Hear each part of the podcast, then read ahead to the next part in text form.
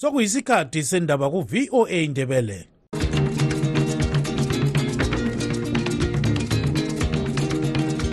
amatshono zihlobo siyalamukela kuhlelo lwethu lwezindaba eziphathelane lezimbabwe kustudio 7 eya voice of america sisakaza sisewashington dc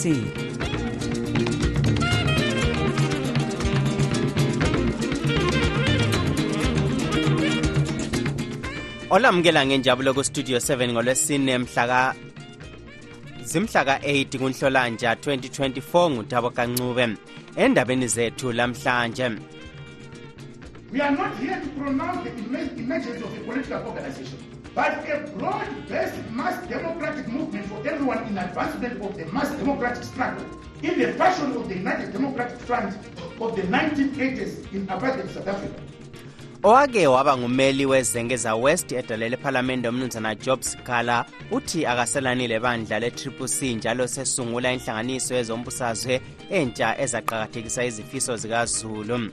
Umsekeli kamkhokheli wedala lezinduna ele-national chiefs council umnumzana fortune charumbira uthi abantu akumelanga bachaze ukubulawa kwabantu emathebeleleni lasemidlands ngesikhathi segugurawundi njengombhuqazwe igenocide yehlukene imibono yabalandeli bomdlalo wenguqu phezu kokuba yiliphi iqembu elizaphakamisa inkezo ye-africa cup of nations phakathi kwe-ivory coast lenigeria ngesonto. Zonke lezi ndaba lezinye lizozizwa kulo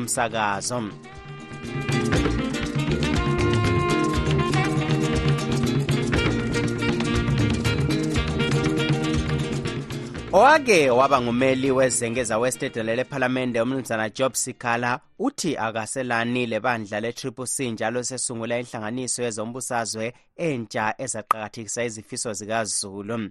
Linhlanganiso yiyo-ke ezakhankasa ngamandla ukuze ibandla lezanup f likhutshwe embusweni. Kubika umlondolozi ndlovu.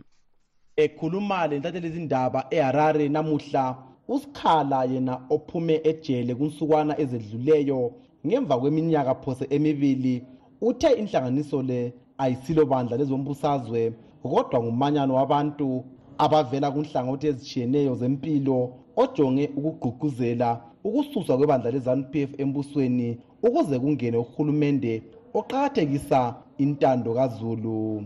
Usikhala uthe ekuqhubeni lumzabalazo uzalalela imibono kazulu njengalokhu okwenzakala ngesikhathi kubunjwa ibandla le-mdc ngomnyaka ka-1999 We are not here to pronounce the emer- emergence of a political organization, but a broad-based mass democratic movement for everyone in advancement of the mass democratic struggle. asikho lapha ukutsho ukuba kuza kuba lebandla lezombusazwe elitsha kodwa iqula lethu elizalwela umbuso wentando kazulu sisenzela uzulu wonke wezimbabwe usikhala walile ukutsho ukuba inhlanganiso le izabizwa ithiwani kodwa uthe bazaphuma ijumo besiya ebantwini phansi kohlelo abalubiza ngokuthi i-democratic consultative convention besiyakhulumisana labatsha abafundi abaphila ngokuthengisa abalwa impi yenkululeko lozulu nje jikelele bebonisana ukuthi bangawuqhuba njani umzabalazo wokukhipha umongameli emerson mnangagwa lezanup f yakhe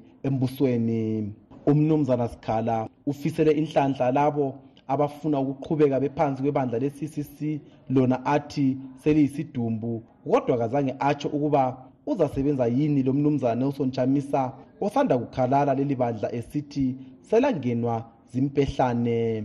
Abanye abacubungula ezombusazwe bathi kuza kuba nzima ukuba usikhala asebenze yedwa engelachamisa yena abathi uthandwa ngabantu abaningi omunye wabahlaziyi laba ngumnumzana khulakwashe zulu yena othi kumele usikhala abambane labanye. Ujob scala ngeke akwenelise lokhu asekwenzile ngoba ucabanga ukuthi yena ulabantu kanti bona abantu hatshi. Abantu bebesympathiza laye ngendaba yokuthi ebe ngumuntu we-triple c. Kodwa umnumzana yebet jamuka owebandla le-people's unity party uthi usikhala wenza kuhle ngoba efuna ukuqala indlela entsha yokulwisana lezanup f. Izanu-p f yayicabanga ukuthi ukufaka kwayo ujob scala ejele iyamqeda amandla kodwa izanu-p f ukubona kwami ayiphumelelanga. Isikhulumeli selinye lamacele e-ccc umnumzana promise mkhwananzi utshele istudio 7 ukuthi usikhala kumele aphumule lemuli yakhe njengomuntu osanda kuvela ejele. Umnumzana mabutho moyo ilunga le-zanu p f central committee uthi usikhala njengabo bonke abaphikisayo kasoze enelise ukumelana lebandla elibusayo. Izanu p f ngabantu um kuyabe kungaqali ngaye bakuzamile othwangirayi bakuzamile ochamisa ukuphikisana labantu kodwa nxa uphikisana labantu ngeke unqobe.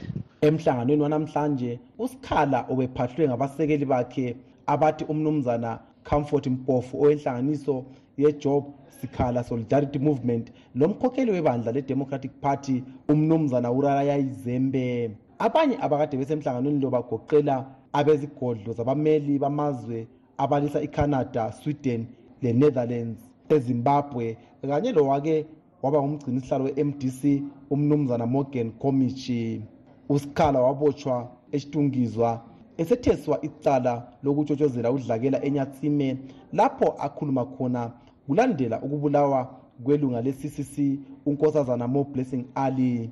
Wancitshwa ithuba lokukhululwa ngebheyili okweminyaka phose emibili 1 year 7 months waze wakhululwa kunsukana ezedluleyo ngemva kokuba umantshi ebeke eceleni isigwebo sakhe kulandela ukudliwa kwakhe licala. Izolo utholakale elelinye njalo icala lokuqamba amanga enkundleni yefacebook njalo uzagwetshwa ngomvulo kuviki ezayo. Ngimele istudio 7 ngiseharare ngimlondolozi ndlovu.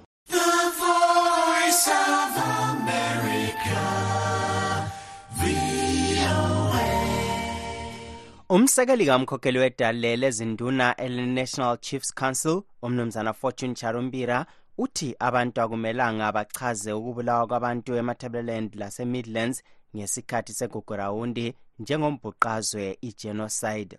Ucharumbira wethule amazwi la emhlanganweni oqhutshwe izinduna lentatheli izindaba kobulawayo namuhla lapho agcizelele khona ukuthi intatheli izindaba azisoze zivunyelwe emhlanganweni ezakwenziwa kusikhatshana esilandelayo phakathi kwezinduna labantu abathintwa kubi igugurawundi ngenjongo yokulungisisa lolu daba. Le yinto esolwa kakhulu ngabalwela amalungelo oluntu kanye lentatheli izindaba sixoxe lomunye wabalwela amalungelo kazulu njalo eyintatheli izindaba umnumzana zenzele ndebele yena othi igugurawundi ngumbhuqazwe osegcekeni I think ucharumbira ayisilo responsibility yakhe ukuthi esitshele ukuthi kukuraundi yayi-genocide kumbe yayingasiyo ngoba ubuhlungu besicathulo buziwa ngumnikazi every evidence that has been there and that has been gathered i think wonke umuntu uyavumelana ukuthi igugurawundi kwakuyindlela yokufuna ukuqeda isizwe samandibele impawu zonke zegugurawundi ziyatshengisela ukuthi kwakuyi-genocide kodwa-ke njengoba enguchifu olida into zegugurawundi mhlawumbe ukhulumele endaweni yakhe ukuthi angathi ugurawundi yayi-genocide isinkwa zingaso kwasemtshelele labo abamthumileyo bangamsola kakhulu ukuthi sesithini. Kuqakatheke kanganani indebele ukuthi intatheli zindaba zibe khona kulimihlangano zibe yingxenye yalolu hlelo? Vele asiqale ngokuthi isinqumo abaphetheyo asimthetho wezimbabwe akulamthetho wezimbabwe othi zingene lapha khona. So bazasebenzisa mthetho bani ukuthi um intatheli zindaba zingabi khona? Ngoba mna ngafika kumiting yakhona bazangenzani bangambopha bazabe sithi bambophele ukuthi ngenzini bamele benanzelele ukuthi are they not going against the constitution when it comes to i-free access to information emedia? Ngoba onezindaba balelungelo lokuthi bethole izindaba lapho kumele okuya kusenzakala khona izinto. So bazagcina sebesekhodi-ke behanjiswa ngonozindaba okuzadisturba iprogram le. Okwesibili ngaphandle kuyikuthi eyabo injongo ayisiyo yokulungisa indaba yegugurawundi neyokuthi bencedise labo ababebulala abantu ukuthi beyifihle indaba leyo. Then kuqakathekile kibo ukuthi onezindaba bengabi khona. Kanti basishane. After forty four years kuyini okungakhulunywa ngabantu kuma-meeting lowo ongaze kwazakale? Abantu abangaze bekhulume ngakho. Ngibona ngani mhlawumbe bakhuluma into abangayaziyo abangayizisiyo njengezinduna they need to stand guided by um onitsaramba ministry of information nabanye abanjalo bayakwazi ukuqaqa kwabonozindaba bayakwazi njalo ukuthi ku-ira lesikhona abangeke bavalele nozindaba because one of the other izitori zizaphuma so ngibona abantu abadala bayaphambanisa laphana yikungazi ngethemba ukhona ozabanceka indlebe ukuthi leyo nto abazama ukuyenza izadiscredita iprocess yona labafuna ukuyenza. Sesike sabona kwamanye amazwe afana labo-rwanda labo-south africa kuqhutshwa inhlelo zokukhumisana umlotha ezifana lalolu alubana ungaxwayisa yena uhulumende wezimbabwe kumele aluphathe njani kahle kahle lolu hlelo? Kumele luqhutshwe ngobani lukhokhelwe ngobani?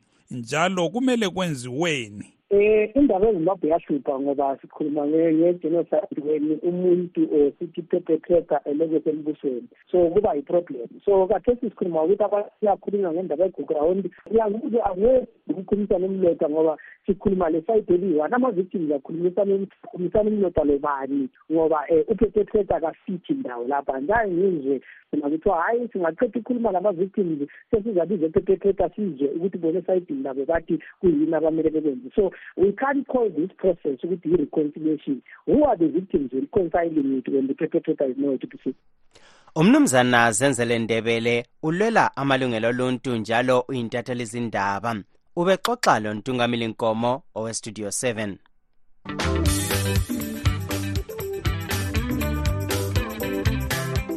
silusizi ukulazisa ukubana sesiza kuma uhlelo lwethu lwendaba zekuseni kusukisela ngenyanga ezayo ekanhlolanja olokugcina uhlelo lusakazwa mhla ka-9 hlolanja kodwa lingalahli themba ngoba konke elikade likulalela ekuseni likukhwabitha kuzabe lokhu ekumunyethwe kuhlelo lwezindaba zantambama ngo-half past 7 nsuku zonke.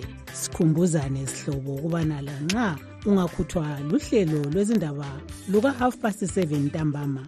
Ulakho ukululalela lapho soluphindwa ngo-half past 9 ntambama lango-half past 11 ebusuku. Siyalibonga ngokuqhubeka lisekela inhlelo zethu ze-studio 7 eye-voice of america. Abakhubazekileyo baqhubeka bekhala ngokuthi babhekana lenkinga lapho bedinga usizo lokwelatshwa ezibhedlela. Lokhu kwenzakala lanxa uhulumende elemithetho ebamba ngamandla izibhedlela zonke elizweni ukuthi zingaze zabandlula njalo zenze kube lula ukuthi bangene kizo okufana lama-rems. Ulusiyasini usethulela lolu daba ngokugcweleyo. Ezinye zalezi nkinga zigoqela ukuswelakala kwezakhiwo ezenza abahamba ngezinqola zama-wheelchair benelise ukungena esibhedlela ama-ramps ukusilela kwezisebenzi ezanelisa ukukhulumisana labangezwayo endlebeni nge-sign language. Izaziso ezilotshwe ngebraille okunganelisa ukufundwa ngabangaboniyo lokunye. Omunye wabakhubazekileyo unkosikazi zifamoyo wakobulawayo yena ukhala ngesiphatho abahlangana laso lapho ezibhedlela athi kuphambana lokumunyethwe yisisekelo sombuso welizwe. Ngaphandle kokuthi ube lenhlanhla yamaswazi uhlangane lo muntu wavela ebantwini isiphatho sakhona siba nganeno kodwa abaningi bethu sihlangane lenkinga eziningi unkosikazi moyo uthi kusuka kube ludubo oluphindiweyo lapho kungowesifazane okhubazekileyo ukuthola usizo ezibhedlela loba eklinika. Khona nxa umuntu wesifazana uzithwele. Hawu hawu hawu uba yinhlekisa imibuzo uyibuzwa khona awuphinde ubuyele futhi. Ingcwethi ecubungula ezomnotho umnumzana masimba kutshela yena ongaboniyo uthi usizo lwembali olutholwa ngabakhubazekileyo luvela ugatsha lwenhlalakahle kazulu phansi kwe-assisted medical treatment order amto ukuze abantu abakhubazekileyo labanye nje bancedakale ezibhedlela zikahulumende. Luncane kakhulu kodwa esikunanzelelayo ukuthi imali yangikhona yimali enlutshwana kakhulu okokuthi ayikwani ukuthi abantu abafuna uncedo. Eh bayizuze umnumzana ishmael joe omela abakhubazekileyo edale lesenate emberengwa uthi lanxa uhulumende elomthetho othi abakhubazekileyo kumele baphathwe ngokukhululeka iyaswelakala imithi ezibhedlela zikahulumende njalo kuyathenga emavinkilini athengisa imithi kumafamasi kulentengo ephezulu. Khathesi sacela kubhajethi le ka-2024 ukuthi at least abantu abakhubazekileyo bakwanise ukuthi bethole izimali zokuthi i-amtho leyana ikwanise ukuthi iyothenga futhi njalo imithi kuma-pharmacies ukwenza ukuthi umuntu yabe e, sekwanisa ukuthi abe le-access to health services. Ujo uthi ulethemba lokuthi ukubunjwa komthetho we-persons with disabilities act yikho okungalungisisa udaba lwabakhubazekileyo. Into ezaba lula especially i-persons with disabilities act ingaba khona kathesi le bill engene kuphalamenti kathesi esibona ukuthi ingakwanisa ukuthi by end of the year ingaba sungumthetho then maybe singakhangela ukuthi ama-policies lawo ingakwanisa ukuthi abe domesticated ihambelane lama-trends a-international like i-united nations convention on the rights for persons with disabilities isiphathamandla sogatsha lwezemfundo ehlangothini lwabadinga usizo oluphindiweyo iningi labo kungabakhubazekileyo. Unkosikazi khwadzanayi nyanungo uthi bazimisele ukubona ukuthi ayalondolozwa amalungelo omntwana elizweni ikakhulu abakhubazekileyo. Sizimisele ukuthi abantwana abazintandane abalobugoga obutshiyeneyo bagcinakale ukuthi amalungelo abantwana agcinwe kahle. Umthetho we-national disability policy okhuthaza ukuba izibhedlela zibe lempahla eyanelayo esiza ekuthini abakhubazekileyo batholiswe usizo ngaphandle kwenhlawulo owaphawulwa ngumongameli welizwe ngomnyaka ka-2021 ubikwa lokhe ungalandelwa. Isigaba 3.7.2 salo umthetho sithi bonke abantu abakhubazekileyo kumele belatshwe ngaphandle kwenhlawulo elizweni njalo izibhedlela zibe lakho konke okudingwa yilaba bantu. Kodwa abakhubazekileyo bathi uhulumende kumele aqinise ukulandelwa kwemithetho yakhe ngoba imihle kodwa kayisetshenziswa nxa abakhubazekileyo sebefuna ukwelatshwa ezibhedlela zikahulumende lezizimeleyo ngimele istudio 7 ngiseharare ngingulusi yasini.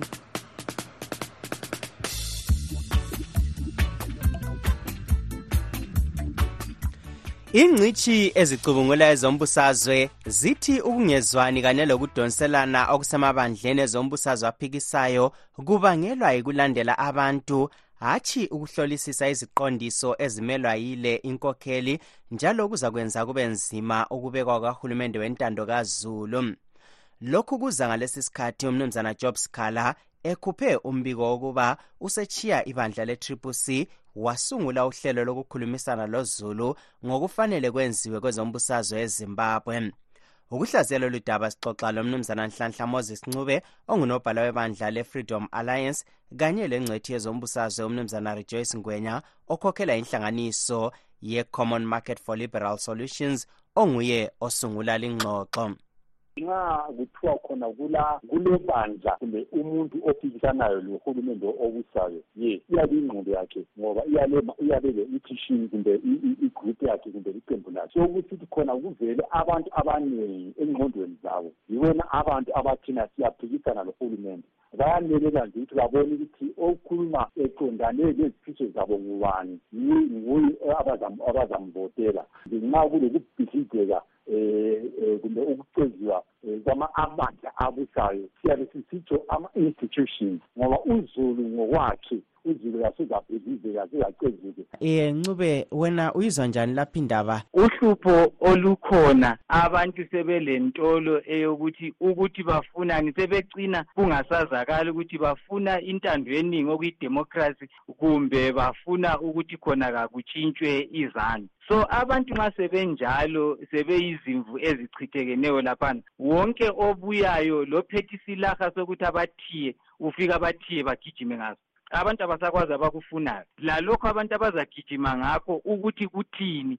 Ungababuza uthi limelani angeke bakutshele. Kathesi abanye barizayinile ungababuza uthi lirizayina inhlangano liya ngaphi? Kabakwazi. Um, umkhokheli uthini? Kabakwazi. Wena ukubona njani lokhu ngwena Ah mina lapho ngiyashiyana ngemicabango ethize lokwakuncile ngoba mina ngithi mina abalandeli kumbe uzulu wezimbabwe bafowethu uyakwazi into ayifunayo. Nxa umuntu ekhuluma emile phezu kwentaba kumbe ume phezu kwani ekhuluma ngendlela zokuthi kuguqule uhulumende abantu bezimbabwe bafundile. Siyakwazi jalisa sale empini sakhipha uhulumende um uba yiwo amakhiwa inkinga yokuthi lapha elizweni akula mithetho. Ncube wena ukubona njani lapha? Kuyini okufanele kwenziwe? Into ekhona yikuthi nxa ulibandla eliphikisayo kufuna ukwazi ukuthi ufuna ukwenzani. Uhlupho lusezimbabwe izanu yayilibandla eliphikisayo yangena embusweni ingala idea ngitsho ngitsho ngitsho. Ifana lokuyimidlwane nje okunyelezwe izolo. Yangena khangela ukuthi ilizwe lingaphi khathesi i-opposition njengoba siku-opposition khathesi nxa kuyikuthi vele thina kasila mithetho noma kungathiwa abantu basithandile kodwa kasila mthetho eyiyo ebonisayo. Ngithi ukuthi inkunzi ikhula lamanono ayo. Kuhle kubonakala ukuthi lo uhulumende ozangena kungangena uphathi a ekhipha izanu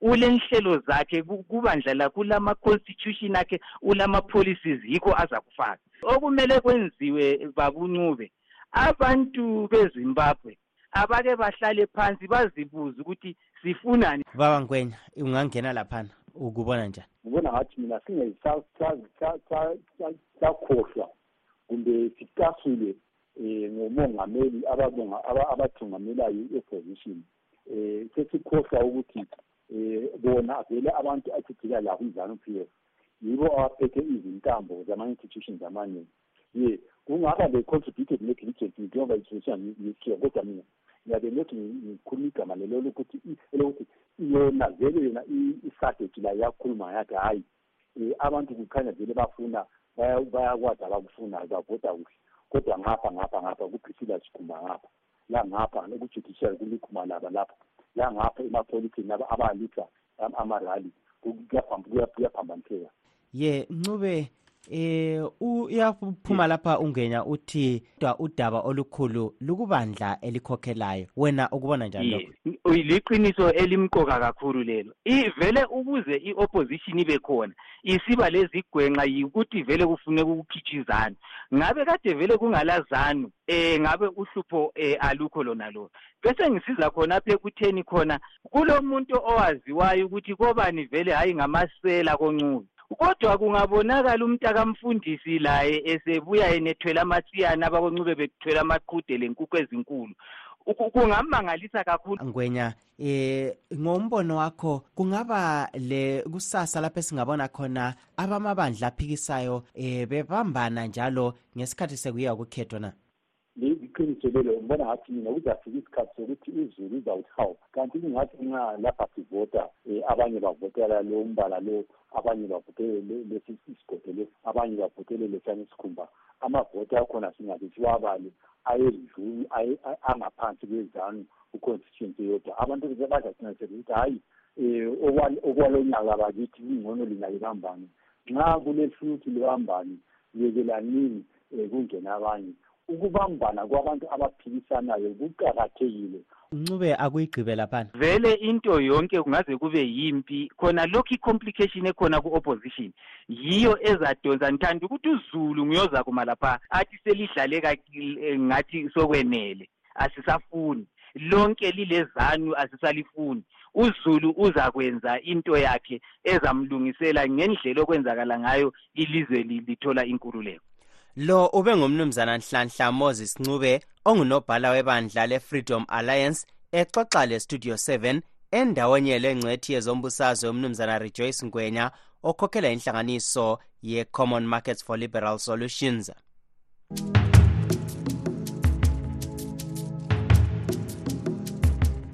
abe-national aids council bathi sebesungule uhlelo lomkhankaso wokuhlola abantu igazi endaweni ezehlukeneyo esabelweni semathebeleleni north ikakhulu ebusuku abayithi yi-moonlight testing.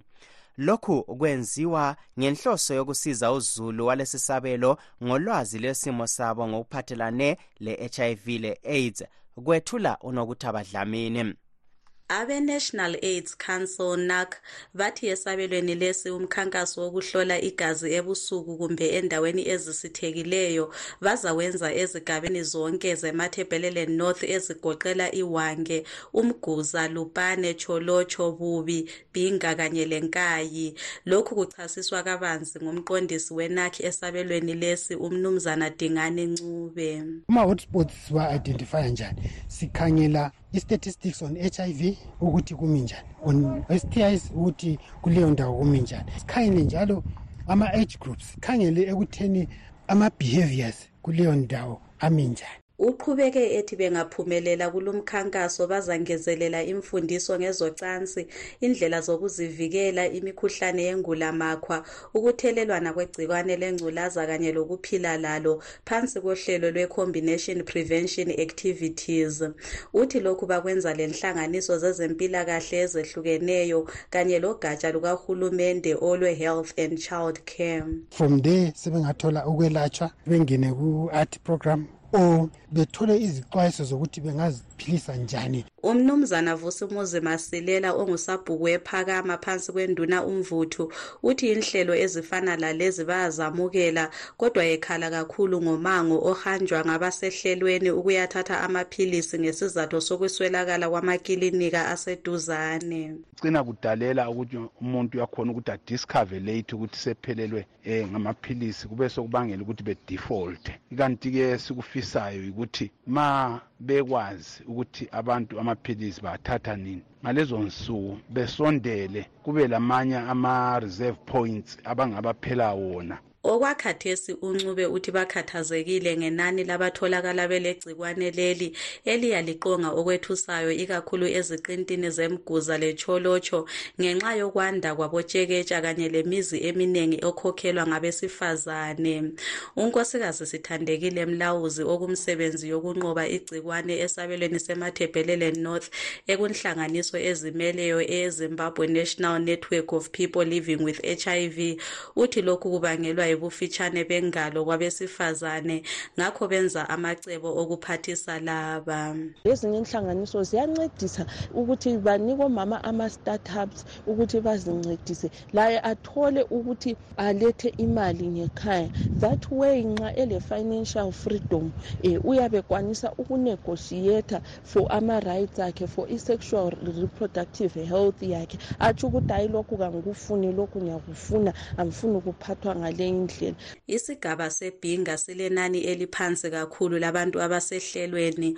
Uncube esithi isizathu abasicabangelayo yikubanjwa kwesiko lesithembo. Kusabelo sonke amantombazana asakhulayo aleminyaka elithumi lanhlanu kusiya kwabalamatshumi adlula amathathu yokuzalwa yiwo abikwa etholakala elaleli gcikwane kulezinsuku imbangela yalokhu kubikwa kuyikuyengeka nje lokuswela ulwazi ngezocansi. Kwabesilisa igcikwane leli libikwa lande kwabaleminyaka efika phose engamachumi amane kusiya kwayisithupha 40 to 60 uphenyo lwabezimbabwe vulnerability assessment committee lubika ukuba kulabantu abayisilinganiso esiphezu kwamachumi amathathu lengxenye ekhulwini 36,3 percent abaphila le-hiv emathibhelele north. Elizweni lonke leli gcikwane libikwa lilokhe likhokhela ekuthatheni imphefumulo yabantu lilandela isifo se-high blood pressure. Ngimele istudio 7 ngise-victoria falls ngingunokuthaba dlamini kwezemidlalo yehlukene imibono yabalandeli bomdlalo wenguqu phezu kokuba yiliphi iqembu elizaphakamisa inkezo ye-africa cup of nations phakathi kwe-ivory coast le-nigeria ngesonto kubika ujoseph njanji iqembu le-ivory coast lizadibana lele-nigeria ngesonto emdlalweni okhangelelwe ngabaningi kudingwa intshantshu zezwekazi le-afrika emdlalweni kanobhutshuzwayo. Lawa maqembu afinyelele kulesi sigaba izolo ngemva kokuba ele-nigeria linqobele south africa ngefuko ka-2 ngemva kokuchaya kwembekwa kuthi ele-ivory coast lona lichaye ele-democratic republic of congo nge-1 kanya u-anthony nakamba uyise kamavela song kaputeni weqembu lama-warriors njalo edlalela iqembu le-luton town fc engilandi uthi iqembu le-ivory coast lisesimeni esihle sokuphakamisa inkezo ye-afcon. Nigeria is a very big team plays very good football but the fact yokuthi laba badlalela in front of their supporters hayi mbona ivory coast mina ithatha. Intatheli zindaba ezemidlalo usuku oluhle mthethwa yena uthi ukudlala phambi kwabalandeli balo sokungaliphazamisa iqembu le-ivory coast. Bazabe belomthwalo onzima ngoba bazabe bengafuni ukudanisa abasakeli babo elizweni labo. Wadlalela iqembu labesifazane elimela ilizwe emdlalweni wenguqu njalo sengumqeqetshi wabaqeqetshi. Usithethelelo quinges sibanda wothi kuza kuba ncane indawo ngensonto. I see a very physical game in Nigeria versus uh, Cote d'Ivoire. phambilini kwemidlalo yama-semifinals umlandeli wenguqu unhlanhla mchinda moyo uhle wathi kufinali kuyangena iqembu le-ivory coast lenigeria. Wona aye kusibaya sikagroup a ekuqaleni komncintiswano. Kumidlalo yezibaya iqembu lenigeria linqobele i-ivory coast nge-1 kanyaka kodwa umchinda uthi ziyojika izinto kufinal. Iqembu le-ivory coast like layiphakamisa silugqiba ke lapha uhlelo lwethu lanamhlanje olivalelisayo ngutabo kancube ngisithi lisale